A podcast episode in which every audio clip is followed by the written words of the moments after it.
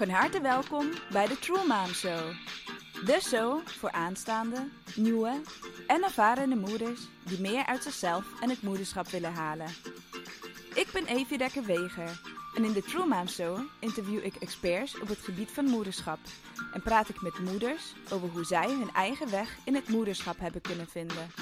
Hoe ze balans houden tussen de verschillende rollen die ze in het alledaagse leven vervullen en vooral over hoe ze dicht bij zichzelf weten te blijven en zichzelf blijven ontdekken en ontwikkelen.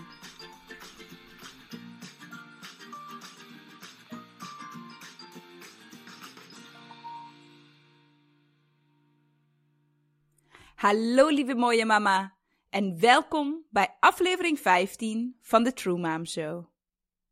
Deze keer met Evelina de Groot. Evelina is gentle sleep coach voor baby's en kinderen tot 6 jaar.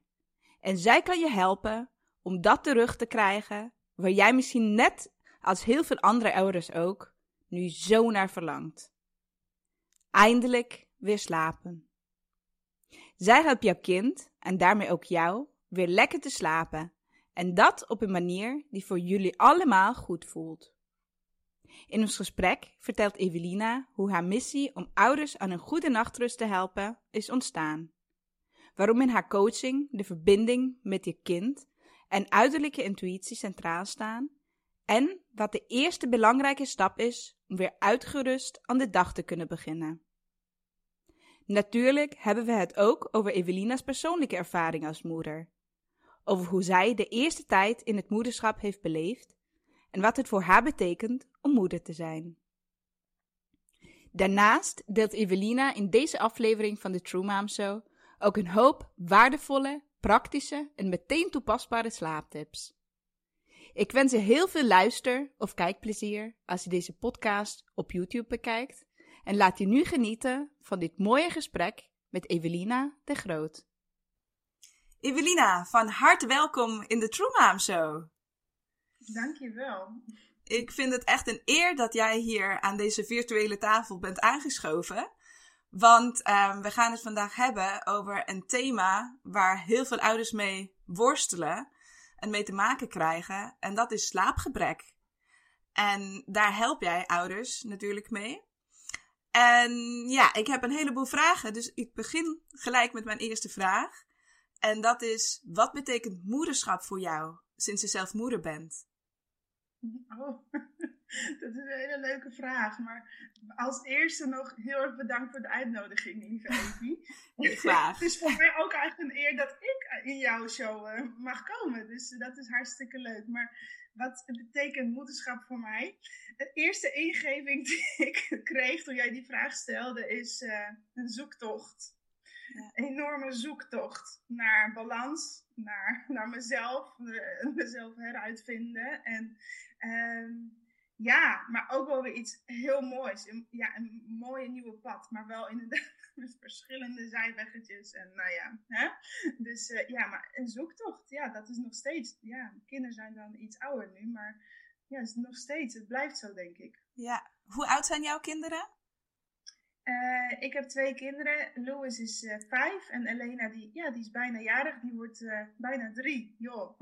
dus, ja. ja, ja, ja. Ja, en hoe heb jij de eerste tijd ervaren als moeder? Ik.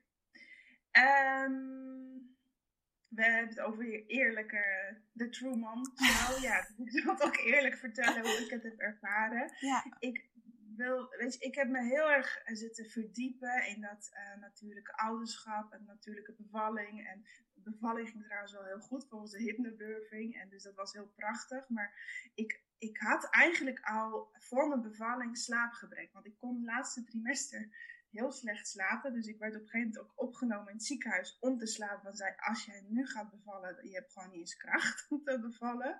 En toen, nou ja, en toen lag ik daar in het ziekenhuis en allemaal monitoren. En toen kwam die. Dus ik heb niet kunnen bijslapen.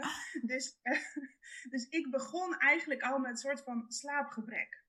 En uh, ja, en ik had zoiets van, joh, baby's gaan na drie, vier weken wel een beetje doorslapen. En nou ja, dat, dat was natuurlijk niet zo. En ik heb me, daar, op dat heb ik maar niet heel goed voorbereid. Uh, ik dacht, het komt allemaal vanzelf. En, hè, en maar dat was niet. En ik, ik merkte dat ook hormonaal, hè, er veranderde heel veel met borstvoeding. En dat lukte niet. En nou, toen uiteindelijk wel. Maar ik werd eigenlijk gelijk super onzeker.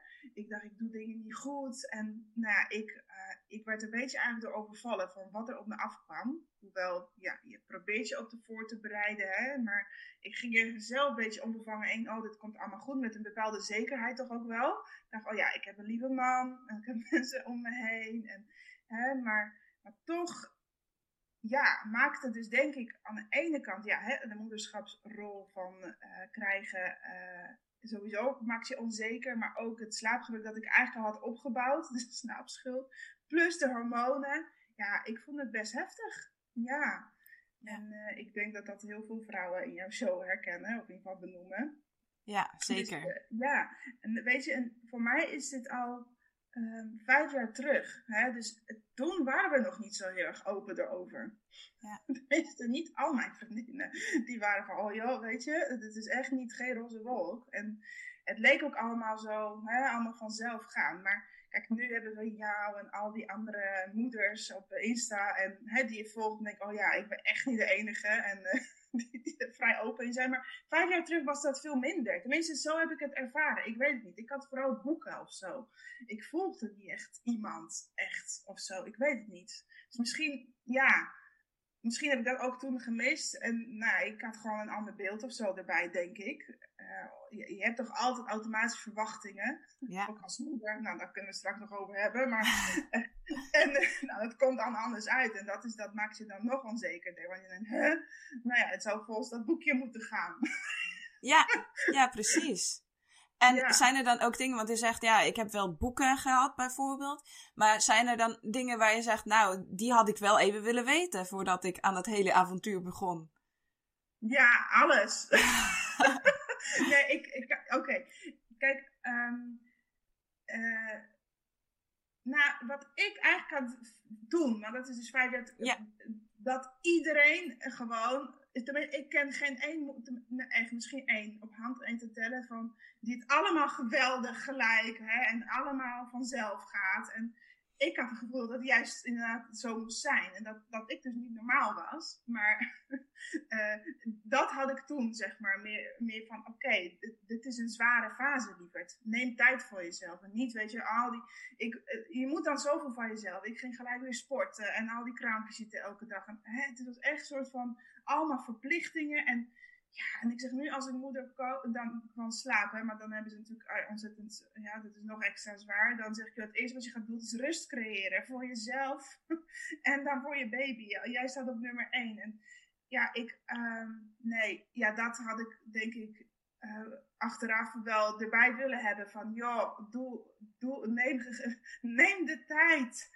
Jij hebt ook een soort van negen maanden minimaal nodig om hè, weer jezelf, of wat dan ook, of nog meer zelfs had ik nodig. En ja, uh, ja en ik dacht wel, dat fix wel even. Ik ga na tien dagen weer, na tien weken weer werken en dan, weet je, en gewoon weer fulltime aan de slag. En nou ja, dat is. ja. ja. En uh, kijk, nu hebben we overal van die hoe ik groei en al dat soort uh, geneuzel. Dat was toen ook een beetje opkomend. opkomend. En uh, ik weet, maar ik wist dat trouwens niet. Dat had niemand tegen mij gezegd. Dat dat was sprongetjes of wat dan ook. Ja. Weet je, de, nou, dat soort dingen. Maar goed, nu is dat wel hè, door al die eerlijke moeder. Hè, dus nu is dat anders. Maar voor mij, ik had dat wel gemist. Ik dacht, het ligt gewoon aan mij. Ik doe dingen verkeerd. En nou, ik doe het niet goed. Nou, dat, die overtuiging, nou ja, dat uh, heel veel moeders. Maar ik had dat heel sterk. En ja. ik twijfelde heel erg aan mezelf. Ja. Ja. Ja, want dan komt dat allemaal over je heen. En dan... Uh ga je soort op, van op de automatische piloot, terwijl je zelf ja, van alles aan het doen bent en zo goed mogelijk aan het doen bent. En dat lijkt dan niet genoeg. Ja. Nee, precies. En ik weet nog heel goed, hè, want um, wat bij mij echt een beetje de, de, de drempel of de druppel of wat dan ook was, dus ik begon alweer een beetje met werken en toen, um, ja, het, um, ja, rond vier maanden is gewoon een hele zware fase qua slaap. En ehm, dat weet ik nu. Ja. Eh, dat dat niet aan mij ligt, dat dat gewoon erbij hoort. Want je baby gaat dan echt gewoon heel anders. Dus de hersenstructuur wordt anders. Hè? Dus het heeft enorme impact op je ja, op slaapgedrag van je. Opeens verandert het wat. En ik, ik weet nog heel goed dat ik dacht, en nou, toen ging het eigenlijk redelijk, weet je. En dacht, yes. Hè? En opeens ging het anders. En ik dacht, is het nou omdat hij naar de opvang is? Is het nou omdat, het, omdat ik ben gaan werken? Dus ik voelde me alweer schuldig van, als zie je, ik had het allemaal niet moeten doen.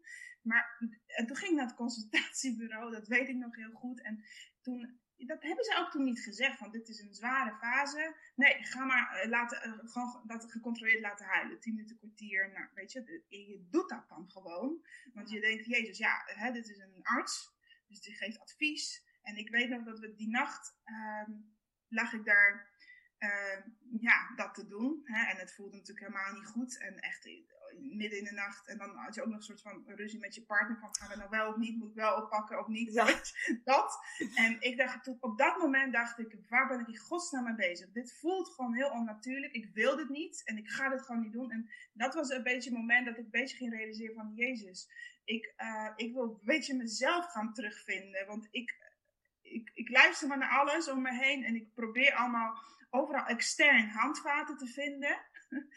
van, oh ja, dit, volgens die boekje. En nee, al nu de arts dit. En ik dacht, ja, ik, ik weet het gewoon niet meer. Dus ik was heel erg in de war. En ik dacht, ja, ik moet het toch ook bij mezelf mee gaan zoeken uiteindelijk. Wil ik wat mezelf zekerder gaan voelen. Nou, dus vandaar. Nou, daar ga ik straks nog wat meer over vertellen. Op die zoektocht naar de andere slaapmanieren. Maar uh, ja, rond vier maanden weet ik wel dat ik ja, ook toen gemist had van, joh, dit is gewoon echt een zware fase. Ik dacht echt dat er iets mis was met mijn baby. Dat hij helemaal ziek opgenomen moest worden. Weet je wel?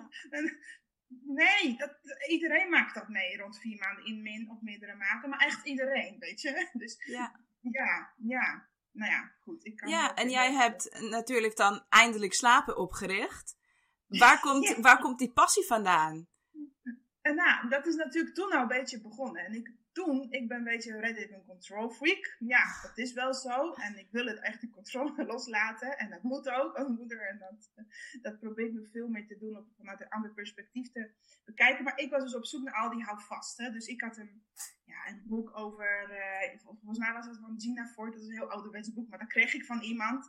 En dan moest je dat tot aan minuut, weet je, moest je je kindje in een schema. En als hij dan net, tot, om tien uur moest hij wakker worden. Maar dan, hij sliep net vijf voor tien. En toen moest hij weer wakker gemaakt worden. Weet, tot aan een minuut. En dan soort van, soort van schoonmoeder die was van, nee, dit moet allemaal zo. En ik was alleen maar een soort van obsessie is het echt voor mij geworden. Ik dacht, hij moet slapen. Dus ik was de hele dag met slapen bezig.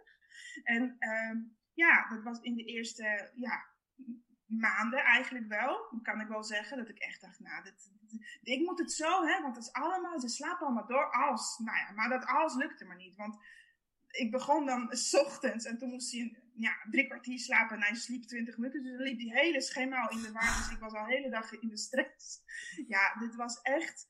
En, um, nou ja, en dus rond vier maanden na die nacht, wat ik vertelde, toen ging ik echt op zoek van Jezus alternatieven. Hè? Van waar, wat kan ik dan anders doen als ik niet wil laten huilen? Of, hè? En nou, toen kwam Gentle Sleep Coaching eigenlijk op mijn pad. Toen, toen, las ik een artikel ook daarover. Nou, ik heb toen eigenlijk gelijk het boek gekocht van Kim West. Dat is die mij, zij heeft mij opgeleid uiteindelijk. En dat sprak me heel erg aan. De manier waarop en, um, en ook de uitleg erbij. Dat gaf mij in ieder geval toen wel houvast. Maar vervolgens heb ik nog een enorme zoektocht gehad van oké, hoe ga ik dan in mezelf meer geloven en vertrouwen. Maar, dat, hè, maar los daarvan werkte er eindelijk iets. Maar het was ook gewoon de fase waardoor het ook weer beter werd. Dus ik weet niet of het nou door het boek werd of door gewoon natuur.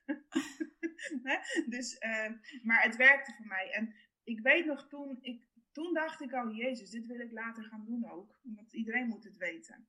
Maar ik had toen best wel, ja, goede baan en, uh, nou ja, weet je. En ja, carrière gericht heel erg was ik toen de tijd. En uh, ja, maar toen, toen heb ik al zoiets van, oh ja, weet je. En toen mijn dochter geboren was, toen heb ik al wel eindelijk slapen uh, als domeinnaam ergens geregistreerd. Toen was ik op vakantie dacht, dit ga ik als ik 40 ben, ga ik dit doen, weet je. of als ik oma ben, of wat dan ook. Maar ik dacht, ik ga eindelijk slapen.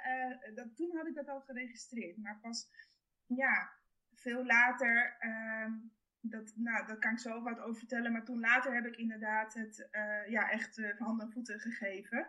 Maar ik, um, ja, dat was ook weer een zoektocht. Want ik had dus een hele goede baan. En toen werd ik zwanger. En toen kreeg ik een nieuwe baan aangeboden. Ik dacht, god, dat ga ik allemaal doen. En het was best wel, ja, gewoon een hele leuke functie. Maar het was veel in de avond. Ik, hè, en gebiedsmakelaar, gebiedsmanager was dat voor een bepaald, ja, een klein stadje, dorpje.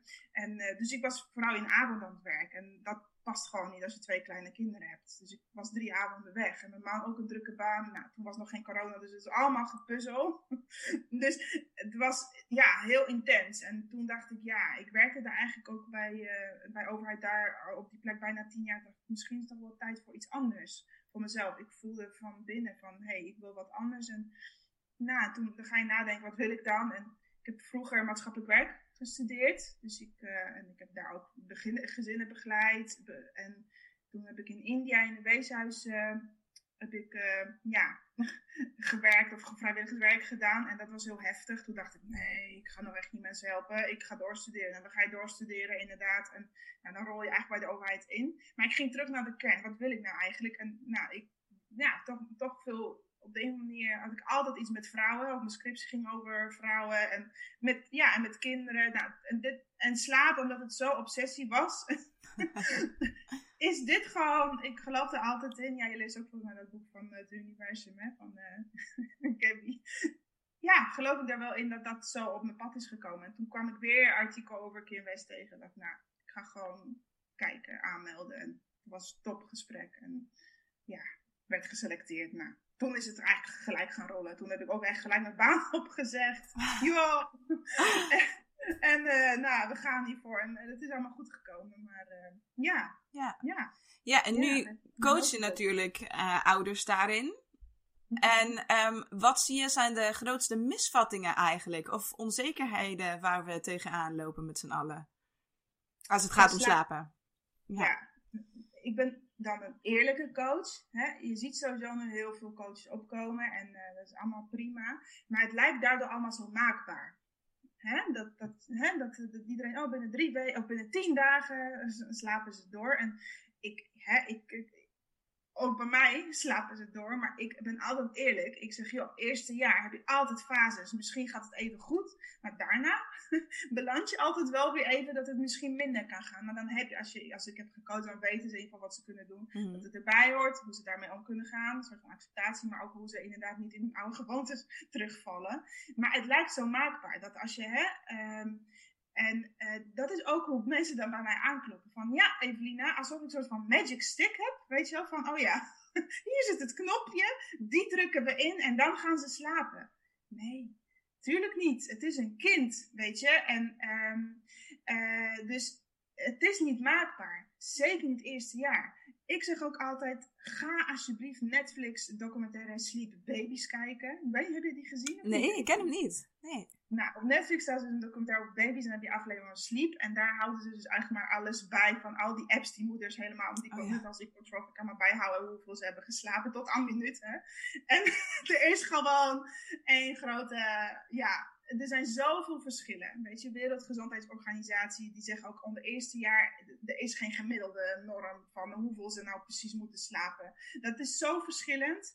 Er, er, er ligt heel erg aan het kindje. Hè? Dus ook als ik ouders zie, als, weet je, ik weet inmiddels welke kinderen goed kunnen slapen, welke niet. Maar uh, ja, weet je, zeg, ook dat is normaal. Maar dan is het vervolgens, hoe ga je daarmee om? Hè? En, nou ja, en hoe kan je je kind dan wel helpen om beter te slapen.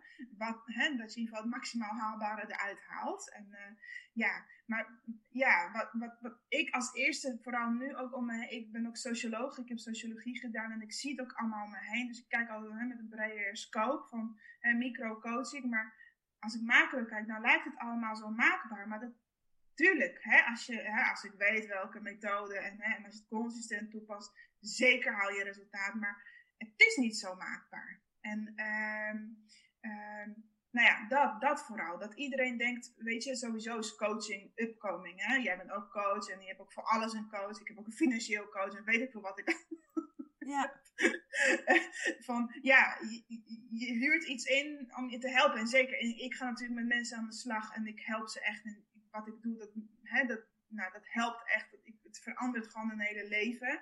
Maar ehm, nou ja, het is, je moet er ook zelf voor hard aan de slag, zeg maar. Het gaat niet vanzelf of zo. En het, het, gaat, het ligt ook heel erg aan je kindje. Hè? Dus ik zeg ook altijd, ik wil nooit iets forceren.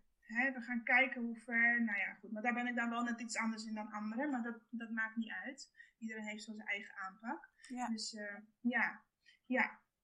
En uh, hoe... wat je vraag was. Nee, inderdaad, wat de, wat de, misvatting, uh, wat de misvattingen erover zijn. En zoals je zei, vooral dat alles maakbaar is, dat dat ook een Ja. van de misvattingen is. Ja, maar Ja. hoewel ik ook altijd wel zeg, ik geloof er wel in dat je je kind kunt helpen om beter te slapen. Ja, leren slapen, nou leren vind ik ook wel een beetje, maar eh, je kunt je kindje echt helpen. Hè? Dus ik ben ook wel van overtuigd van, het is ook wel ergens je plicht om dat te doen. Hè? Die vaardigheid die ze dan, hè, als ze dat snel oppakken, nou, dan hebben ze daar echt hele leven profijt van. Je ziet ook heel veel kinderen die heel veel slaaptekort hebben, omdat ze überhaupt niet weten hoe ze moeten slapen. Hè? Dus en dat ook een negatieve impact kan hebben op uiteindelijk concentratie, hè, uh, uh, die hyperalerte toestand dus belanden. En nou ja, weet je, dus ik ben er ook, hè, ook heel erg uh, bewust van, ja, wij als ouders hebben wel uh, verantwoordelijkheid om ze gewoon echt te helpen te slapen. Hè? Maar nou ja, voor elk kindje is dat op een ander moment, zeg maar. Ja. Dat. Voor elk gezin, weet je. Dus het gaat ook om loslaten. En, hè, en ook ook misschien goed om te benoemen. Ik weet je, in niet alle westerse landen. Ik weet niet hoe het in Italië is eigenlijk, maar uh, jij komt uit Italië. Ja, klopt. Ja. Ik weet niet hoe het daar gaat, maar weet je, daar slapen kinderen en oud, of in niet-westerse landen, Afrika en whatever. Hè? Het is, heel normaal dat kinderen gewoon tot vier, vijf jaar bij hun ouders altijd zijn en slapen. Alleen in onze maatschappij is dat natuurlijk niet haalbaar als je bij drie maanden al moet gaan werken, weet je. Dus ja, dan moet je ook weer gewoon er zijn. En dus dat maakt dat is ook enorme spanning spelt, vind ik zelf. Hè? En Ja. ik probeer daar een beetje een balans in te vinden. Ja, weet je, aan de ene kant puur natuur, hè? Oer is het natuurlijk, hè? Zou je kind de hele tijd bij je willen hebben en dat, hè? Maar het, het, is, het lukt niet, zeg maar, in de maatschappij met de verwachtingen die er zijn en verplichtingen die we hebben. En uh, nou ja, dat dus allemaal. Ja, Ja. Dus, het is altijd voor mij een balans zoeken. En ook, op een gegeven moment, weet je, zijn er natuurlijk moeders die uh, ja, uh, alleen maar op een gegeven moment kind centraal stellen. Daar gaan we straks van zijn. Hè? Dat, dat, moet je ook zeker doen en baby ook. Maar op een gegeven moment moet je jezelf natuurlijk niet daarin vergeten. Ja. en als jij al een jaar lang uh, elke twee uur wakker bent, dan maak ik heel vaak mee, weet je. Dan kom jij nooit in je herstelslaap. Dat gaat impact hebben op jouw cognitieve, maar ook op je fysieke toestand. Hè? En uh, dus als je alleen maar blijft geven, dan, uh, dan is ook geen niks meer te geven. En dan ben je ook al te ver, weet je. Dus dat, ook dat is dat niet ver naar jouw baby of jouw kindje toe. Ja. Dus dat is ook wel een spanningsveld. Gewoon alleen maar spanningsvelden. Ja, Ja. leuk. ja, en als ouders nu de stap nemen en zeggen: Nou, we kunnen het echt niet meer aan. Het kan gewoon zo niet langer. Wij gaan Evelina bellen. Ja. Um, wat, hoe verloopt zo'n zo'n traject of zo'n gesprek? Kan je daar een beetje Uh, over vertellen hoe je dat aanpakt? Ja hoor, ja. Uh, ik ben altijd heel open. Um, ja, ja, als mensen mij bellen, die drempel is natuurlijk sowieso hoog hè, voor ouders. Van, Ja. Je moet het allemaal zelf fixen. En, hè, ook, ook dat herken ik van mezelf. Van, hè, je hebt een goede baan, je hebt een mooi huis, hè, allemaal prachtig, goede vakanties. En opeens krijg je een kind, nou ben je onzeker. En ook nog slaapt hij niet. Nou, lukt niet, weet je. En dan ga je in jezelf twijfelen sowieso.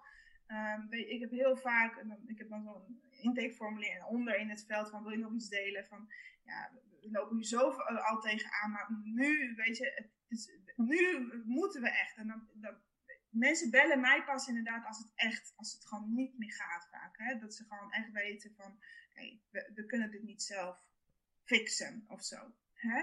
Dus ik, ik heb mensen die gewoon, ja, dus he, hele heftige verhalen. En mensen die huilend bellen, mensen die tien keer achter elkaar bellen. Hè? Ben in gesprek en gewoon nu gewoon oplossing zoeken. Uh, maar wat ik als eerste doe is natuurlijk, ik kijk wat speelt er hè? en hoe oud is je kindje. En, hè? en ik kijk altijd van wat gebeurt er eigenlijk. En uh, van, hè? van is er al een bepaald ritme en hoe valt het kindje in slaap? Wat, zijn, wat is daarvoor nodig hè? van de ouders?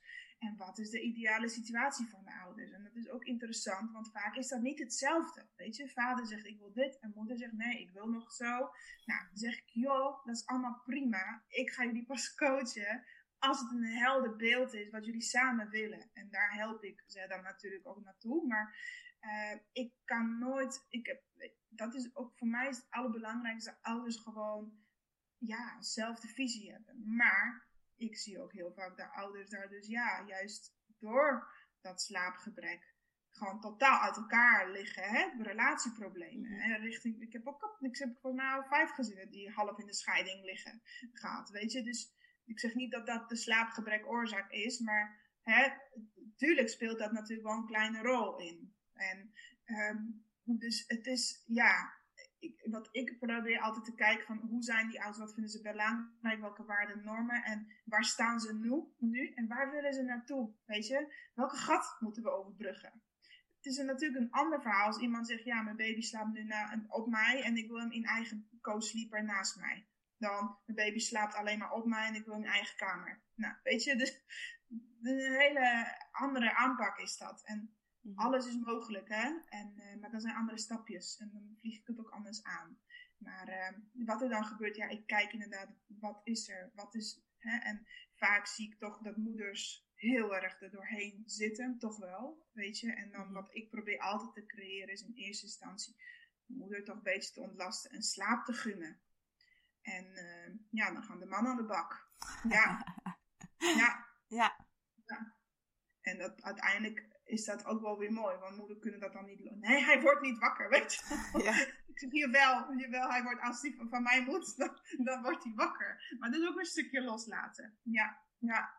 Ja, zo doe ik het wel. Nou ja. ja. Ja. ja, want dit is ook iets wat ik vaak in, in mijn coaching dan hoor. Ja, ik wil wel, maar ik ben zo moe. Want we hebben zoveel slaapgebrek. En dat, ja, dat is dus.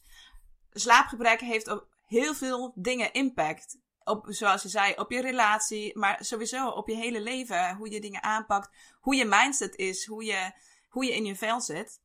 En ehm, zie je dan bepaalde dingen waar heel veel ouders tegenaan lopen? Of zijn de dingen heel verschillend die je voor je krijgt? Ja, nee, het is toch wel per gezin anders hoor. Waar ouders, maar inderdaad, dat het impact heeft op je uh, fysieke en geestelijke. En, uh, hè? en ja, ook vooral als je een combinatie hebt met een ja, verantwoordelijke baan, is dat gewoon heel zwaar. Dus ik heb ook gewoon wat gezinnen zelfs gehad waar de werkgever de coaching betaalt, weet je. Maar ja, want het heeft gewoon, je kunt gewoon niet meer functioneren als je gewoon uh, ja, niet aan je diepe slaap toekomt. En, en je wilt graag, hè. En, uh, nee, maar ik, ik maak van alles mee en elk gezin is anders. En Um, ja, ik ben altijd dankbaar dat ik altijd zo'n inkijkje krijg. En dat ze zo eerlijk altijd zijn en open. Hè? Maar het is gewoon super heftig. En weet je, um, voor iedereen is dit al heel, is al een enorme stap voor een eigen bedje. Of, of ja, of een eigen kamer, weet je, dat is dan veel te ver of wat dan ook. Maar um, nee, het is, ja, waar ja, dan als ik vanuit een beetje uitzoom, ja, dat is toch veel, ja, de, ja, met werk, hoe doe ik dat dan met mijn werk, weet je? En ook als er als een coaching staat, ik zeg, ja, dat wordt, dus kan het nog eerst erger worden, weet je? Bereid je daarop voor. En hoe moet het dan met mijn werk? Dus mensen gaan, ja, letterlijk dagen vrij nemen en wat dan ook. Maar ja, het heeft veel impact op uh, relatie. Maar wat ik vooral ook zie, is dat ouders denken van, uh, ik heb het niet goed gedaan of zo. Hè? Dat ze gewoon zo erg een soort van schuldgevoel hebben van, ik, dan zeggen ze ook van, ja, ja, ik weet dat het ook anders moet, maar inderdaad, ik weet niet hoe en ik ben al zo moe. Maar dat is ook zo, want je, je zoekt, hè? als je al zo moe bent en jouw hormonen denken, ik wil slapen, nou, dan zoek je het makkelijkste oplossing. Korte termijn, weet je. Dus ja, en dat houdt natuurlijk dingen in stand. Maar ik snap het wel, weet je. Dus uh, ja, dat allemaal. Ja. ja. Ja, en ik kan me voorstellen dat nu sommige luisteraars echt iets hebben van, ja, dat herken ik heel goed. Is er een eerste stap, een eerste algemene tip die je kan geven? Ik weet dat er heel veel verschillende dingen natuurlijk zijn waar mensen tegenaan lopen. Maar is er misschien iets waar, waar je zegt, dit is wel een goede tip om mee te geven? Ja, wat ik altijd uh, uh, als eerste doe, als, als ik ga coachen, uh, dan kijk ik gewoon letterlijk, wat gebeurt er bij bedtijd? Hoe valt je kindje daarin slaap? Wat is daarvoor nodig? Ben jij daarvoor nodig? Is borstvoeding nodig? Nachtflesje, wiegen, zingen, muziekje, whatever. Gewoon alles. Ik kijk, ik, gewoon kijk naar echt letterlijk alles. Elke detail, zeg maar, die je... Ehm, en hoe jouw kindje daar in slaap valt, dat is dus de manier waarop hij of zij, als ze wakker zijn s'nachts, dezelfde condities wil hebben, zeg maar. Dus als je wil iets veranderen, dan moet natuurlijk bij bedtijd iets veranderd worden. Dus dat is wel altijd uh, ja, eerste stap. En natuurlijk kijk ik naar de hele dag. Hè, van, uh, kijk, hoe ouder een kindje ook is. Kijk, dit geldt zeker voor alle kinderen, maar hoe ouder een kindje is, zeker na twee en tweeënhalf jaar, dan speelt gedrag ook een grote rol. En de gewoontes die zijn ontstaan. Dus dan is het niet alleen maar van het gaan slapen, uh, maar ook ja, het gedrag hè, van is het uitstelgedrag, waarom is het een uit? Wat is eigenlijk de echte reden waarom ze niet willen slapen? Oudere kinderen willen niet slapen. Die zeggen, ik wil niet slapen. Maar wat is de reden daarvoor? Kunnen ze niet slapen? Of hebben ze jouw aandacht gemist overdag? Of is er iets gebeurd waardoor ze... Hè? Ik heb nu ook een gezin, een kindje is net vijf. En uh, ja, weet je, de vader gaat dan... Je gaat nu slapen? Nee, dat bepaal ik zelf. nou, dit kan ook al, hè? Dus... Uh, en jonge ja, dus het is, jonge kinderen die kunnen gewoon mama niet loslaten. Nou, weet je, dus ik kijk vooral wat er gebeurt. Wat, wat, zoom eens even uit naar jullie slaapritueel. Is er een slaapritueel? Daar begint het mee. Is dat er? Is het vrij consistent voorspelbaar? Van hè, we gaan nu slapen. Welke stappen zijn daarvoor nodig? Programmeer je kindje letterlijk om te gaan slapen. Geef je, hè, maak je verbinding, maar geef je ook ruimte voor emoties. Maar ook nou, van alles. alle elementen zijn belangrijk. Maar ook overdag hè, hebben ze geslapen, niet geslapen, of ja, prikkels kunnen verwerken, et cetera. Maar kijk, ja, is een slaapritueel. Oké, hoe is die dan? En hoe valt je kind in slaap? Ja, dus eigenlijk begint het met een stukje bewustwording van hoe doe je dingen, hoe pakken jullie dingen aan en hoe ziet het er nu uit? Ja, ik kijk wat is nu de huidige situatie. En uh, ja, van daaruit ga ik kijken, oké, wat is hun gewenste situatie? Wat wil je dan? En uh, wat is daarvoor nodig? Hoe kunnen we daar stapjes in maken? Welke stappen zijn daarvoor nodig? Ja. Ja, ja, en je had het er net al over wat oudere kinderen. Dus mhm. slaapcoaching, dat is misschien ook een van die misvattingen, kan ik me voorstellen. Het is niet alleen voor baby's, voor hele kleine kinderen. Het kan ook later. Ja, ik coach tot zes jaar. Mm uh, ja, ja. Dus het is altijd mogelijk om, om daar in het gedrag en in het slaapgedrag ja, iets te doen. Ja, kijk, maar het probleem is, als, ik, als gezin mij belt, een kindje is ouder dan 2, 2,5 jaar, dan weet ik, oké, dit is een wat langdurige traject. Dat gaat niet, uh, weet je, baby van tussen 6 en 8 maanden kan je het makkelijkst, uh, hè, dat, nou dat kan misschien binnen 10 dagen inderdaad. Hè? Ja. Maar uh, als ik zie dat het ik heb twee, twee trajecten, vak twee of drie weken. Gemiddeld duurt het sowieso drie weken, maar vanaf twee, twee jaar, tweeënhalf weet ik zeker dat het drie weken duurt. Ja.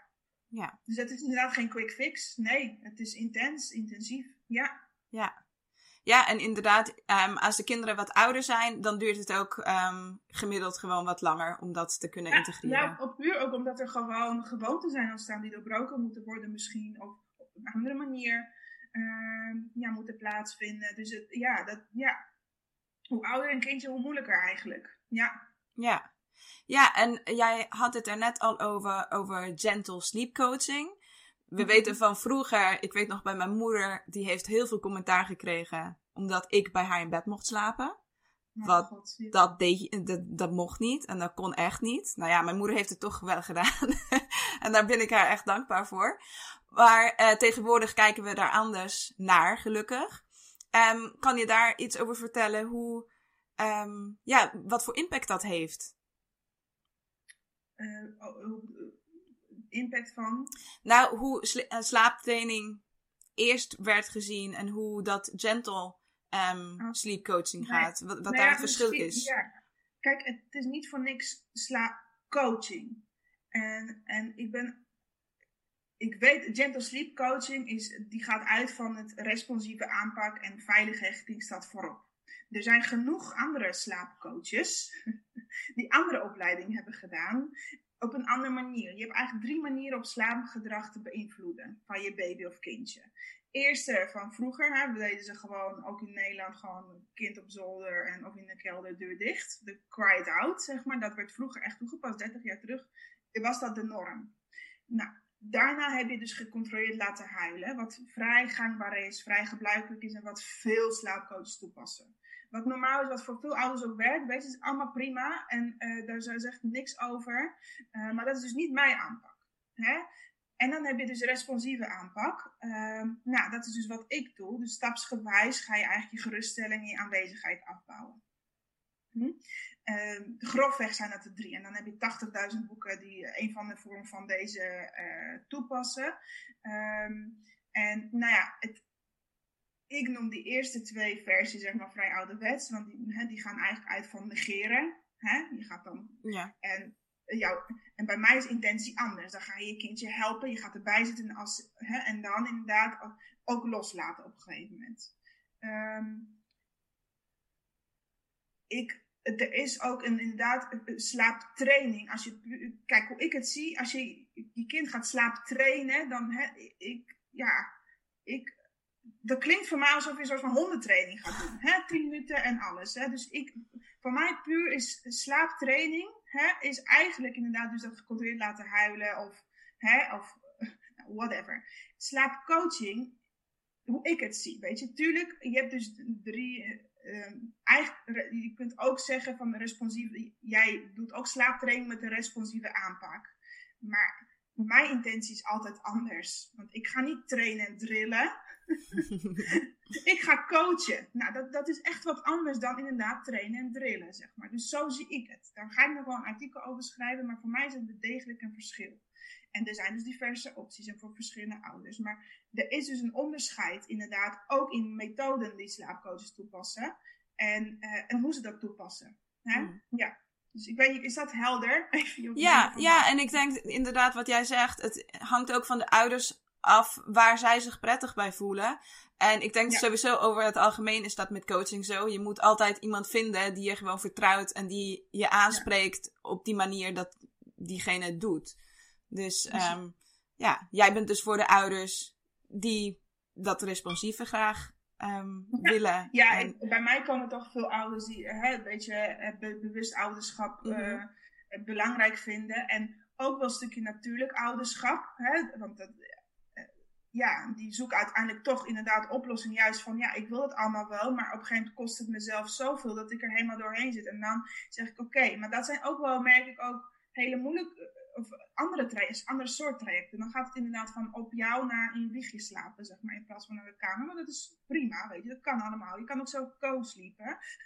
maar ja, uh, ja um, ja, maar dat is inderdaad, dus dat is wel uh, hoe ik coach. Als iemand mij belt, ik wil Dr. Esville methode of weet ik veel dat, uh, zeg ja, dan moet je een andere coach zoeken. Ja. dus uh, ja, maar dat is ja, hoe je mensen, maar ja, ik neem aan dat je mij ook hebt uitgekozen, ook omdat jouw, mijn methode jou ook aanspreekt, zeg maar. Ja, ja zeker. En um, ja, ik vind het ook heel interessant, want ik heb bijvoorbeeld nooit um, bij mijn kinderen daar eigenlijk nooit veel over nagedacht. Ik moet ook zeggen, ik um, had het geluk dat mijn kinderen allebei goed sliepen, best wel snel. En um, ja, dus ik was er niet zoveel mee bezig. Maar als ik dat dan hoor, nu ook in gesprekken en zo, dan denk ik, ja, dan is het toch fijn als je het op jouw manier kan doen. En dan ook niet naar dat zielige huilen moet gaan luisteren. Want vaak komt het ook bij jouzelf heel erg binnen. Ik weet ook van ouders die dan zeggen, ja, en dan hebben we gelezen dat dat werkt. Dus ik ging maar op de bank zitten en ik moest zelf huilen omdat ik dat niet fijn vond. Ja, ja. ja maar ja, ja, ja. Dus... En ik zeg niet dat bij mij zonder enkele tranen, om baby's, daar coach ik, dat doe ik echt niks qua slaap. Coaching training, zeg maar. Daar ja. ga je veel meer over hè, wel helpen, ondersteunen. Maar um, ik zeg niet dat zonder tranen, maar je laat je kind niet alleen. Je bent erbij, je mag troosten. En ja. uiteindelijk, de huilen alle baby's huilen ja. als iets verandert, weet je. Dus, uh, uh, maar je bent erbij, dus je hoeft hem niet alleen te laten. En je hoeft niet in een andere kamer inderdaad te gaan zitten huilen. Nee, dat, dat, ja, dat, uh, dat is niet, nee, dat, dat hoeft niet. Nee, nee. Nee, nee precies. Ja. En je had het er ook over, over balans vinden en ontspanning vinden voor de moeder. ik ben ook heel benieuwd, hoe doe jij dat? Want jij bent natuurlijk ondernemer, je hebt je eigen bedrijf, je bent moeder. Hoe, um, ja, hoe vind jij die balans? Ik vind dat zelf, ik ben heel eerlijk. Ik dacht, ik ga nu uh, mijn baan opzeggen en dan ga ik het allemaal. Hè, en, maar ik ben dan veel te, ik vind het gewoon veel te leuk ook. En, uh, veel te gedreven. Dus ik ga ook maar alleen maar door. Dus ik ben ook altijd heel erg op zoek naar die balans. Maar um, omdat ik altijd nu gewoon eigenlijk sowieso thuis ben. Ja, nu is iedereen thuis met corona. Geeft dat mij al veel rust.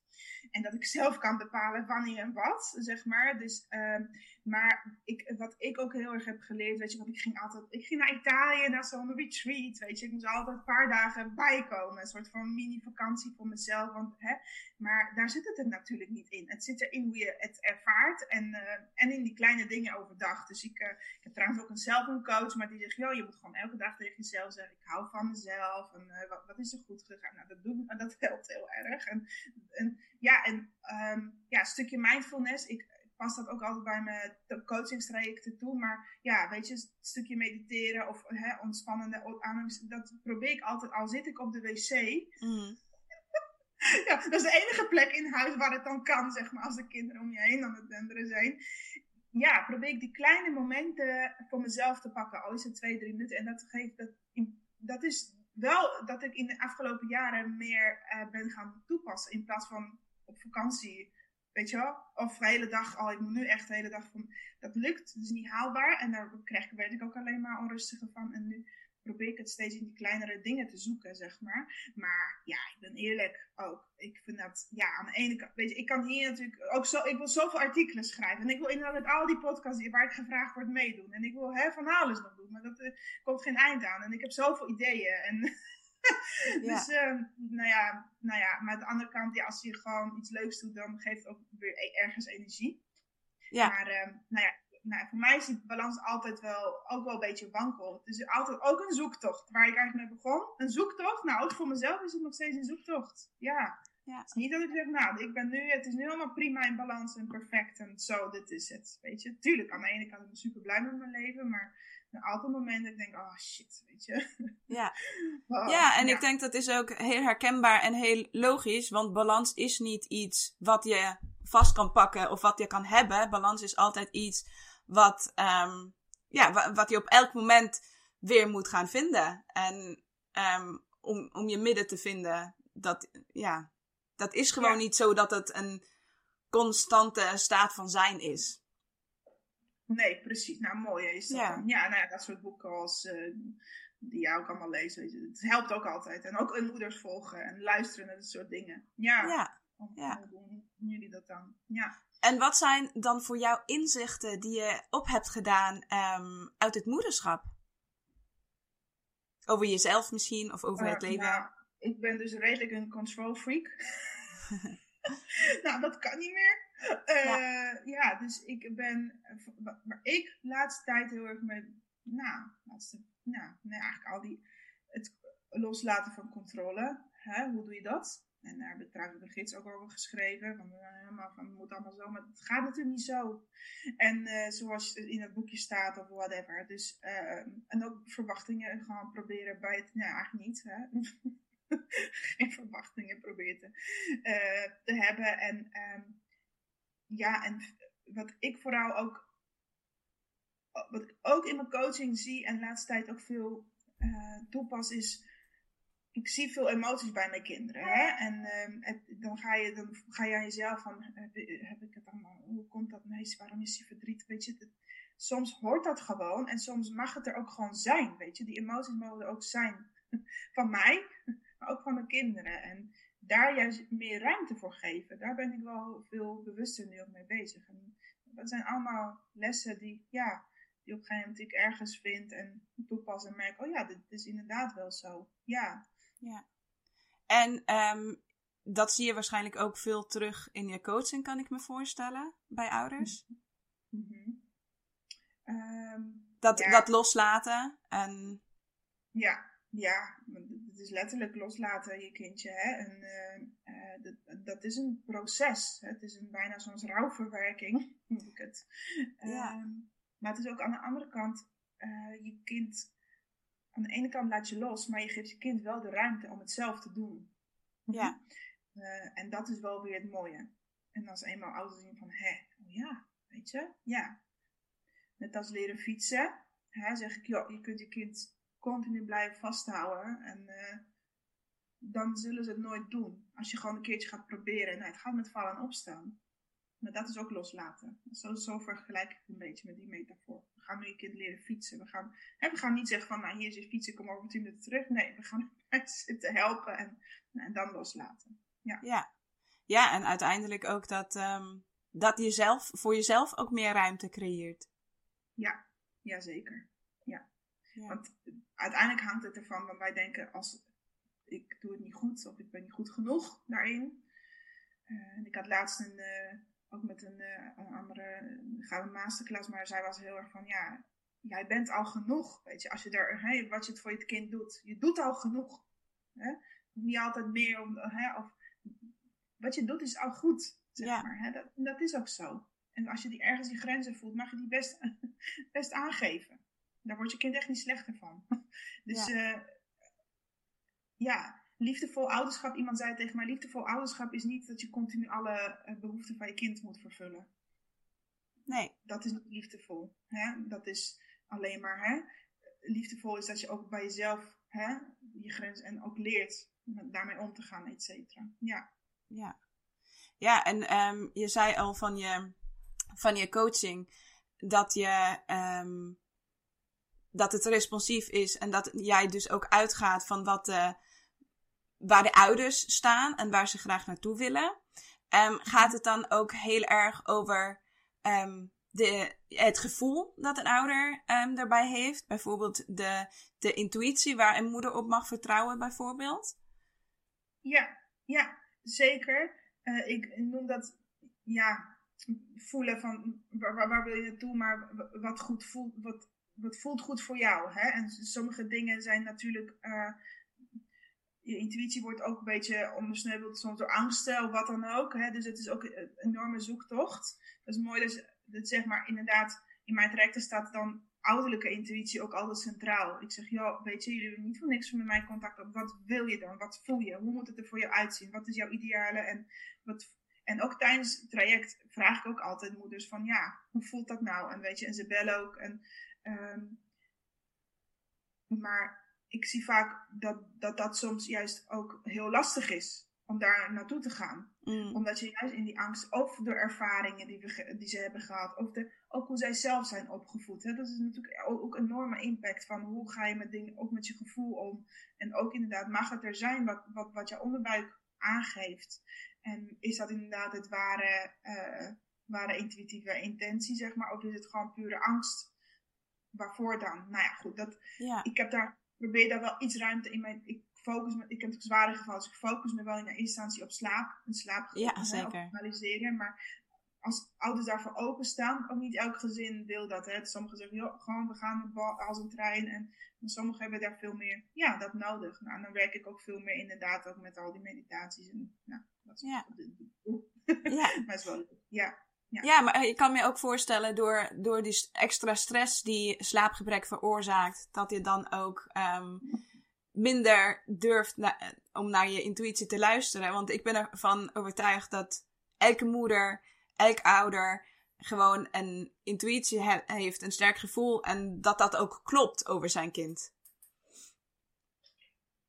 Ja, zeker. Alleen wij zijn in onze maatschappij. Uh het, ook puur door al die invalstroom, zeg maar, die, waar je van overladen wordt, eh, denk je van, oh ja, de wetenschap zegt dit, dit zegt dat. Nou, die zou het wel weten. En al die goed bedoelde adviezen. En we proberen veel meer inderdaad, uh, ja, wij zijn steeds meer geleerd inderdaad om vanuit die wetenschap of vanuit... Uh, te beredeneren of de oorzaken, gevolgen. hè? En eh, dus eh, vanuit de kennis, de kennismaatschappij zijn we letterlijk hè, te leven. Terwijl, nou ja, er is een heel ander belangrijk stuk die ondergesneuveld steeds meer raakt. En nou ja, dat is dus inderdaad wat ik, ja, weet je, ook in mijn online programma, dat staat eigenlijk voorop. Die begint met wat is het vertrouwen, intuïtie en hoe ga je dat oppakken en bij jezelf vinden. Ja. Ja, Maar dat doe jij ook volgens mij. Ja, Daar ja en het ik denk ook, het is niet verkeerd om op wetenschap te vertrouwen.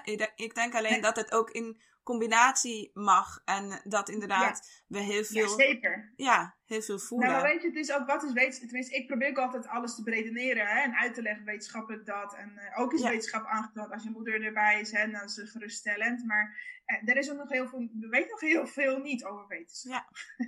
Klopt. En er is nog niet alles onderzocht. Dus, eh, nou ja. Maar goed, ik, ja, ik vind dat wel belangrijk. En het is, ehm, dus ik, in mijn artikelen, ik heb een aantal artikelen op mijn website, ja, dan probeer ik ook de wetenschap zeker, maar dan de goede wetenschap. En niet die ouderwetse inderdaad. Ja, ja, wetenschap. Ja. ja. Ja. Ik zou echt het liefst nog uren met jou hierover willen praten. En ik weet ook dat de luisteraars dat heel erg tof zouden vinden. Maar we moeten een beetje afronden. En dan ben ik wel nog benieuwd of je een boodschap of een tip hebt voor alle nieuwe mama's die je graag mee wilt geven. Oh god, genoeg. Eh waarmee zal ik beginnen? Ehm, ja, een tip. Heb vertrouwen dat het met slaap goed komt. Als je, jij weet het beste wat je baby nodig heeft qua slaap. Ga je baby leren begrijpen, ondersteunen vanuit jouw gevoel. En eh, er zijn altijd dagen die het gewoon minder gaan of wat dan ook. Maar overal gaan alle kinderen slapen uiteindelijk. En sommigen hebben iets meer ondersteuning nodig. Maar heb vertrouwen dat je het goed doet. Als je Ja. naar jezelf luistert. Ja, misschien is dat wel een goede. Mooi. Ja, en ik denk dat de meesten nu wel heel benieuwd zijn waar ze meer over jou kunnen vinden en jouw artikelen kunnen lezen en misschien je online training kunnen volgen of je direct kunnen ehm, bellen. Dus ehm, waar kunnen we meer vinden over jou en eindelijk slapen? Eh, ja, eindelijk slapen.nl. en op Instagram natuurlijk Evelina laagstreepje eindelijk slapen. Facebook doe ik ook iets mee, maar niet zoveel. Nee, vooral eh, ja, Instagram ga ik ook, ook iets meer nog meer mee doen. Maar ja, op mijn site eindelijkslapen.nl. Ja, Ja, dat Mooi. Ja. super. Heel erg bedankt voor dit mooie gesprek. Mhm. En ik denk ja, dat eh, heel veel moeders daar iets aan gaan hebben. Dus Ja. ehm, heel erg bedankt. Ja. Dit was alweer aflevering 15 van de True Mom Show. Dankjewel, lieve Evelina, voor jouw openheid en dat je jouw kennis met ons wou delen. Als je ook zo geïnspireerd bent geraakt door Evelina en wilt weten hoe zij je kan begeleiden van chronisch slaapgebrek naar eindelijk slapen, check dan haar website www.eindelijkslapen.nl en volg Evelina op Instagram via Evelina underscore eindelijk slapen, waar zij praktische slaaptips en inspiratie deelt. Wil je mij helpen om nog meer mama's te kunnen inspireren met mijn podcast? Laat dan graag een recensie achter via jouw podcast-app en deel deze podcast met jouw vrienden en familie. En als je toe bent aan meer ontspanning en rust, ook overdag, gun je dan een mooi selfcare momentje met het Seasons of Motherhood programma. Het online programma voor moeders dat de perfecte balans biedt tussen ontspanning, selfcare en persoonlijke groei. Nu te vinden via www.nieuwe-mamas.nl. Voor nu wil ik je bedanken voor het luisteren. Hopelijk tot de volgende keer en tot dan, mama, you got this.